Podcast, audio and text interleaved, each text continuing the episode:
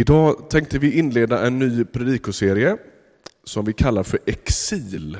Kommer tillbaka till varför alldeles nyss och jag skulle vilja att vi börjar med att läsa dagens text som är hämtad ifrån Danielsboken Gamla Testamentet.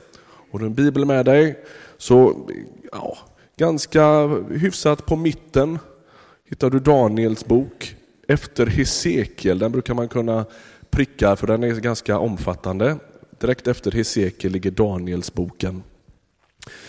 Och där ska vi läsa några versar. Vi börjar från början. Så här står det. Under kung Jojakims tredje regeringsår i Juda kom Nebukadnessar, kungen av Babylonien och belägrade Jerusalem. Herren gav Jojakim, kungen av Juda, i hans våld och även en del av tempelkärlen i Guds hus. Nebukadnessar tog med sig kärlen till Kinar och förde, med, förde dem till sin Guds skattkammare. En dag gav kung Nebukadnessar i uppdrag åt Aspenas, sin överste, sin överste kammarherre, att välja ut några israelitiska prinsar och ädlingar unga män utan lyte, ståtliga att se på, bildade, kunniga och kloka, väl lämpade för tjänst i det kungliga palatset. De skulle få undervisning i kaldéernas litteratur och språk. Kungen bestämde också att de dagligen skulle få mat och vin från hans eget bord.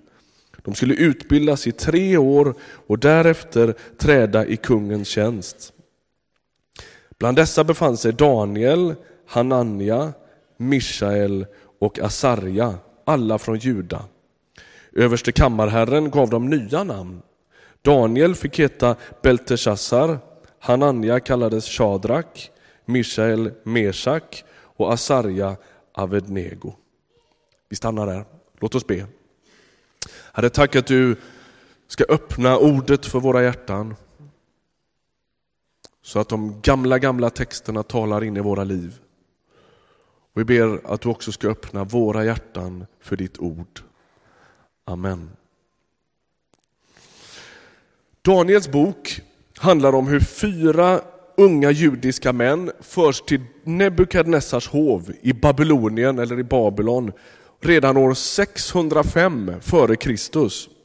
Och de här killarna, det verkar som att de är med i en lite större grupp. De blir en sorts förtrupp kan man säga till folket som så småningom kommer efter och förs bort i, i exil eller i, ja, de, de, de deporteras till, till Babylonien.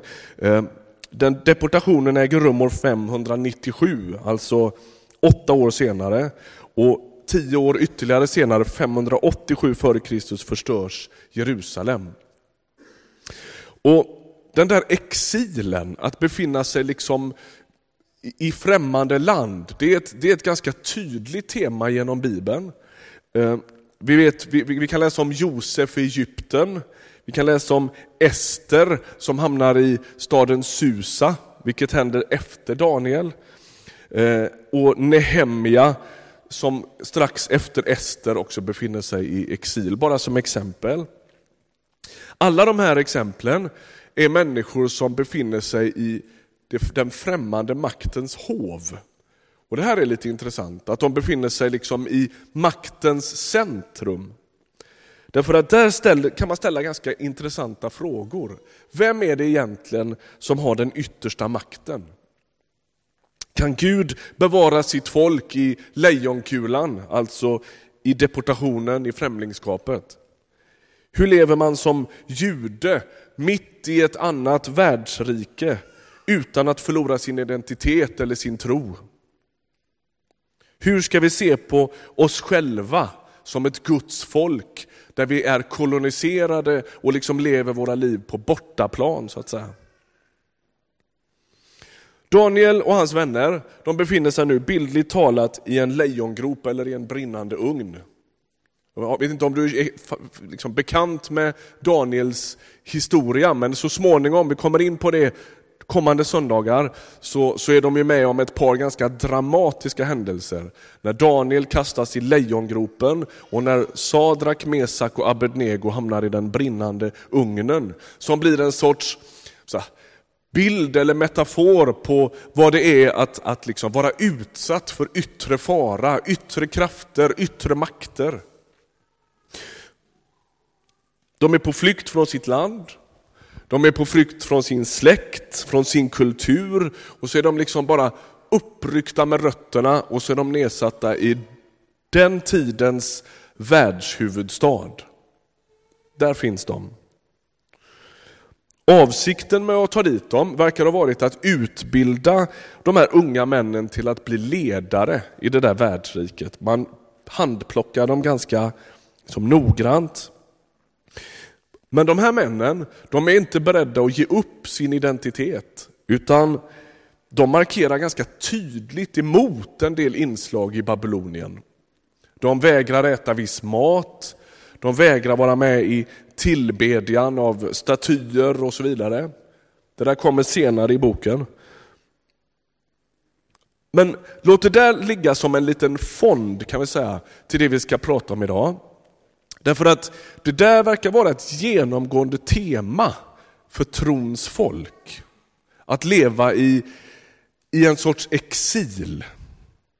Jag ska försöka reda ut det här idag och försöka beskriva vad jag, vad jag menar. Om vi hoppar till Nya Testamentet, så när Jesus undervisar och undervisar om världen, så, så antyder han en liknande hållning som den som judarna hade när de kommer till Babylonien. I meningen, vi som Guds folk, som Jesus efterföljare, lever på ett sätt våra liv i främmande land. I en kultur, i ett värdesystem, i en religiös kult som är på kant med den tillbedjan av levande Gud som vi ägnar oss åt. Alltså, när han talar om världen så gör han det på det sättet. Låt oss ta ett par exempel. Vi läser från Johannes 17.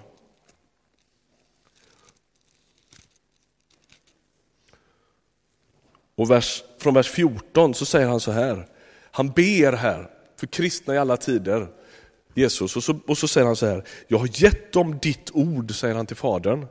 Och världen har hatat dem därför att de inte tillhör världen, liksom inte heller jag tillhör världen. Jag ber inte att du ska ta dem ut ur världen, utan att du ska bevara dem för det onda.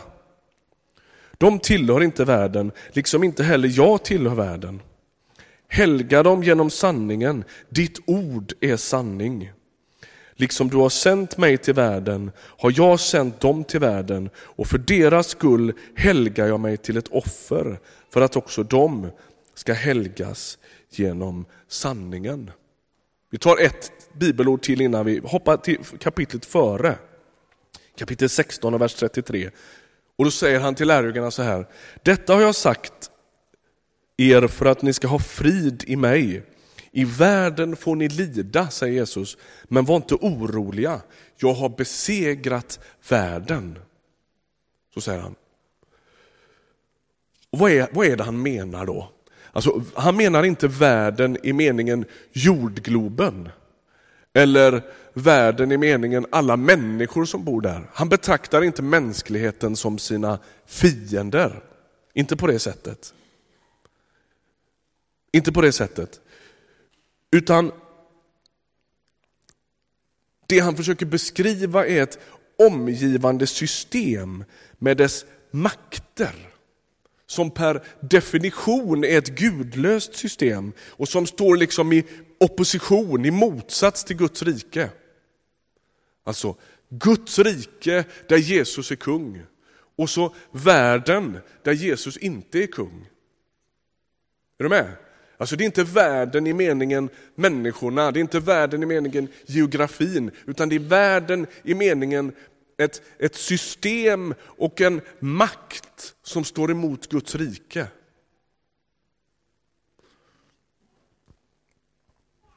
Vårt problem som svenskar och som västerlänningar, det är, och europeer kanske framförallt, det är att vi har haft lite jobbigt med att läsa de här verserna därför att de har ju varit helt obegripliga för oss. Därför att i vår värld så har ju kyrka och samhälle och stat gått hand i hand. Eller hur? Hur ska man förstå en sån här text när länder kallas för kristna? Ska man förstå en sån här text när var och varannan svensk liksom tillhör en kristen kyrka? Det har ju varit jätte, det var smått obegripligt för oss. Det är mycket enklare i en del av världen där kyrkan står liksom i, är väldigt utsatt i, i, i, i Mellanöstern eller i kommunistiska länder. Kyrkan i, i forna Sovjetunionen kunde nog förmodligen förlika sig lite bättre med de här verserna. Är ni med hur jag tänker då?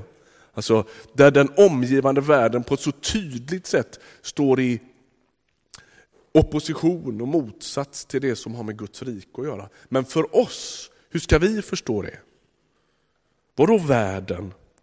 När Sverige har kallats ett kristet land, kristna lagar, kristna värderingar, där nästan varenda svensk var med i Svenska kyrkan, då blir de här orden svåra att förstå. Men det har blivit annorlunda. Eller hur? Förutsättningarna för att vara kyrka och församling har ändrats.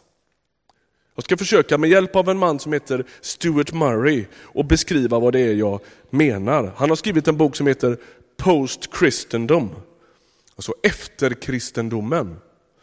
Och han beskriver de här liksom väldigt stora förändringarna som har skett i västvärlden när det gäller kyrkan och världen, eller kyrkan och staten.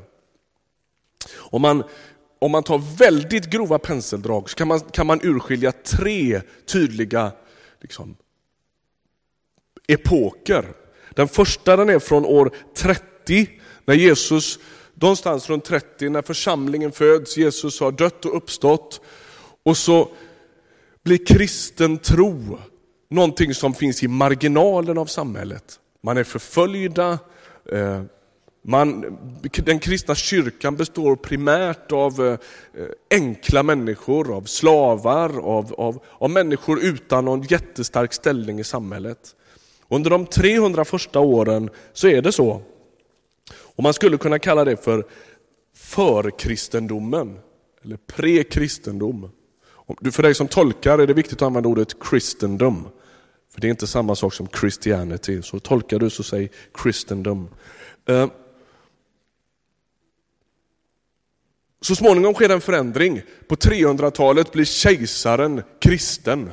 Och så inom loppet av ett, ett, en mansålder i princip, på 75 års tid, så går kyrkan från att vara djupt förföljd, där man utrotade predikanter och kristna ledare, beslagtog bibeltexter, eh, sångböcker och så vidare. Så gick kyrkan ifrån det på 75 år till att vara i maktens absoluta centrum och vara med och förbjuda all annan trosinriktning. Det är ganska, det är ganska dramatiskt det som händer under en så kort tid. Och vad gör det med kyrkan? Vad gör det med en syn på sig själv? Ja, man går från marginalen till centrum och så blir tron kristendom. Istället för kristen tro så blir det kristendom. Jag ska förklara strax vad jag menar med skillnaden. Men sen är det så att från 1950-talet ungefär i västvärlden, det är lite olika beroende på vilket land man bor men om vi pratar Sverige, så, så har rörelsen väldigt tydligt varit från centrum till marginalen. Det är, inte, det är inte längre tillbaka än 1951, då det blev tillåtet som svensk att inte vara med i en kristen kyrka. Innan dess var man tvungen att vara medlem i en kristen kyrka i Sverige. Det är, det är bara 60 år sedan. För en del här framme låter det som en evighet, men det är det faktiskt inte. Lyssna på en gammal man här nu. Och under de här 60 åren så har kristen tro eller kristendomen rört sig liksom ut i marginalen igen. Man kan inte säga att västerlandet längre är kristet. Låt oss ge några korta kännetecken på det här skiftet, på hur det går till. Och återigen, jag har hämtat det här från en bok som, som heter Post Christendom av Stuart Murray. Han säger så här, vi har gjort en rörelse från centrum till marginalen. I kristendomen stod ofta den kristna berättelsen och kyrkorna i centrum. Men i postkristendomen så befinner de sig i marginalen.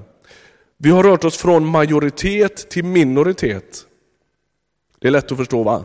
Förr så var den kristna kyrkan, de flesta tillhörde den, de flesta gick på gudstjänst och så vidare. Nu är man liksom något av en kuf om man finns i en kristen kyrka.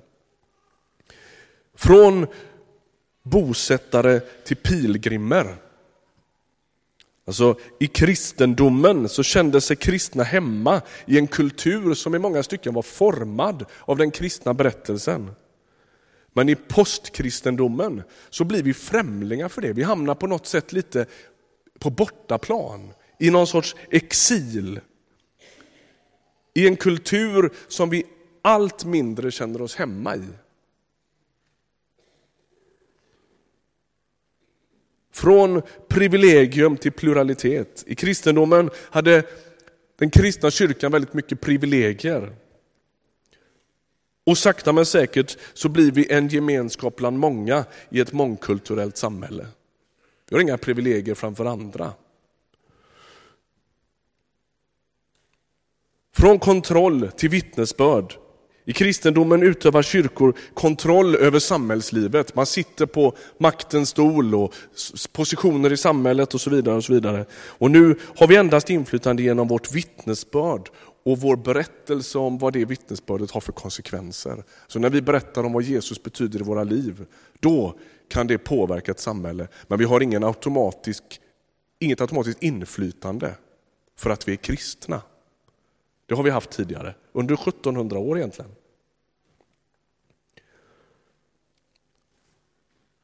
Från upprätthållande till mission.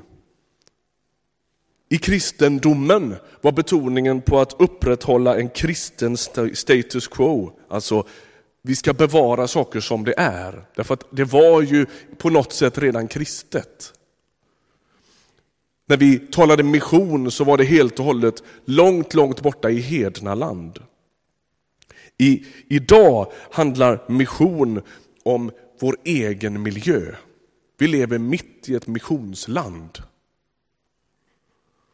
Från institution till rörelse. I kristendomen så var kyrkorna främst institutioner som man liksom gick till, som man köpte tjänster av, om man liksom använder ett vårdslöst språk. Nu blir kristen tro återigen någon sorts rörelse. Och då kommer den stora frågan. Är det här bra eller dåligt? Det är ju den stora frågan. Ofta hör man människor beskriva detta som, som väldigt dåligt. Vi, vi i kyrkan har ofta beskrivit detta som, som en katastrof. Tänk vad hemskt att världen har blivit så sekulariserad. Man får inte be i amerikanska skolor längre. Man får inte undervisa kristendom på samma sätt i en svensk skola längre. Man får inte fira eh, skolavslutningar i kyrkan. Har ni vet va? Allt det där som har varit självklart under hundratals år är plötsligt inte självklart längre. Och så beskriver kyrkan de nya förutsättningarna som, som något problematiskt. Jag skulle vilja vända lite på det. Dagens poäng är den här. Det är inte säkert att det här först och främst är ett problem. Jag ser att ni ser lite småskeptiska ut.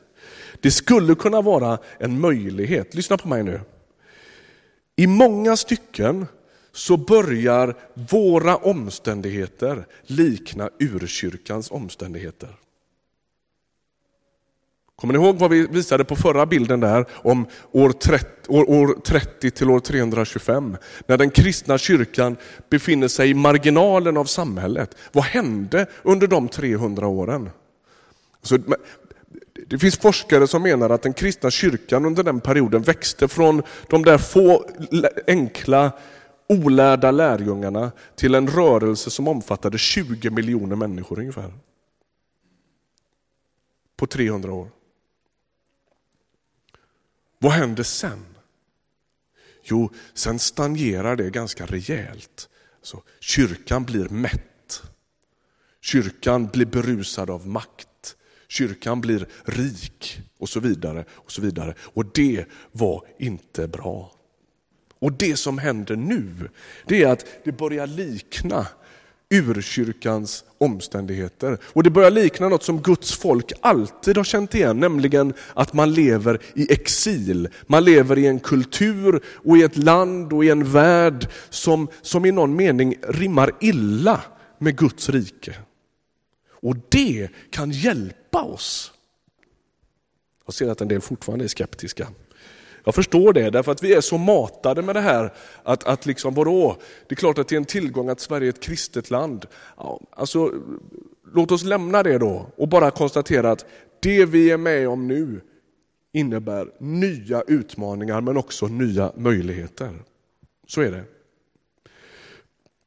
Vi kan nu läsa bibeltexterna om Daniel, om Josef och inte minst om, om kyrkans första hundra år med en förnyad aktualitet. Därför att vi lever i en miljö som i många stycken påminner om deras. Om man läser Korintierbreven så är det så att på, på Paulus tid när han skriver det här så fanns det ett verb som, som i princip betydde att leva på korintiskt vis. Och Det var känt i liksom hela den dåtida världen. Och Det handlade om att leva i dekadens, i sexuell omoral, liksom gräns, ett gränslöst njutningsdrivet liv. Och när, när människor säger, det där Paulus han vet inte vad han pratar om, eh, tiderna är förändrade nu så är det så att i många stycken har ingenting hänt. Den kristna kyrkan i Korint levde under omständigheter som i jättemånga stycken påminner om våra.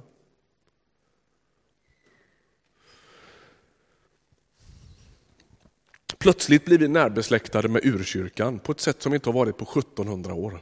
Plötsligt blir vi närbesläktade med den väx, explosionsartat växande kyrkan i Kina till exempel som har levt under tryck, som inte har varit godkänd av, av, av, av myndigheterna, som har lidit för det, som har liksom stått i en väldigt tydlig liksom motkultur mot det omgivande samhället. Och att leva i, kult, i, i exil, det är att, att liksom ta den rollen på allvar på något sätt. Inte bli konstig för, för, att, för att vara konstig. Inte i någon sorts självändamål att nu ska vi bli lite kufiska och sticka ut. Men i trohet mot Jesus. I, i en sorts obrottslig lojalitet mot vem han är, vad han undervisar och vad han liksom har visat oss. När vi följer honom så går vi tvärt emot. Det är att leva i exil. Om man läser om Daniel och hans vänner så, så, så verkar de utmanade av de nya omständigheterna. Och det är som om de frågar sig, hur är man Guds folk i Babylonien? Och det tänker jag borde vara våran fråga med. Hur är man Guds folk i Linköping 2011? Som i någon mening är ett liv i exil. Det har det alltid varit att vara kristen. Men det blir tydligare i takt med att det händer som händer nu. Att världen är sekulariserad, det har aldrig varit något problem, det har den alltid varit. Problemet är inte att världen är sekulariserad, det är per definition världen. Problemet är om kyrkan blir det. Sekulariserad, det är ett konstigt ord. Alltså i meningen gudlös, går sin egen väg, trycker ut Gud i periferin och han liksom inte får plats i våra liv. Att vara Guds folk i Babylon på ett troget sätt, det är att, det är att, det är att i någon mening gå mot strömmen. Lyssna på hur Petrus uppfattar sig och den kristna kyrkan. Första Petrusbrevet 5 till avslutning här. Genom hela det här brevet har han talat om nåd på ett fantastiskt sätt och så kommer själva avslutningshälsningen, skriver han så här. Församlingen i Babylon, utvald liksom ni och min son Markus hälsar er. Han befinner sig i Rom.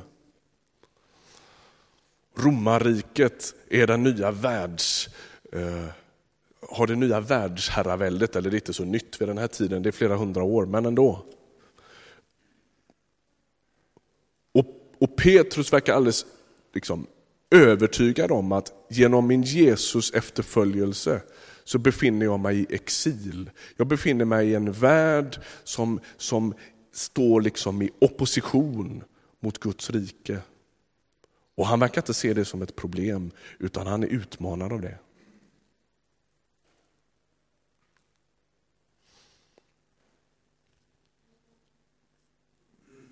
Att leva i exil, det är att vara det annorlunda folket med en kallelse att följa och att lyda Jesus. Om en liten kort stund ska vi fira nattvard här. Och när vi gör det så gör vi det faktiskt som ett sorts folk i exil. Jesus han säger, ni ska fira den här måltiden tills jag kommer tillbaka. Som en sorts påminnelse bland annat om att vi tillhör ett annat folk. Vi som delar den här måltiden, vi hör samman genom att vi följer och lyder och formas av Jesus. Vi påminner oss om att den omgivande världen är inte vår sanna hemvist på det sättet. Mm. Under den här serien kommer vi att fortsätta att borra i det här och fundera över vad det innebär att vara ett folk i exil. Vi stannar där för idag. Ska vi be en bön?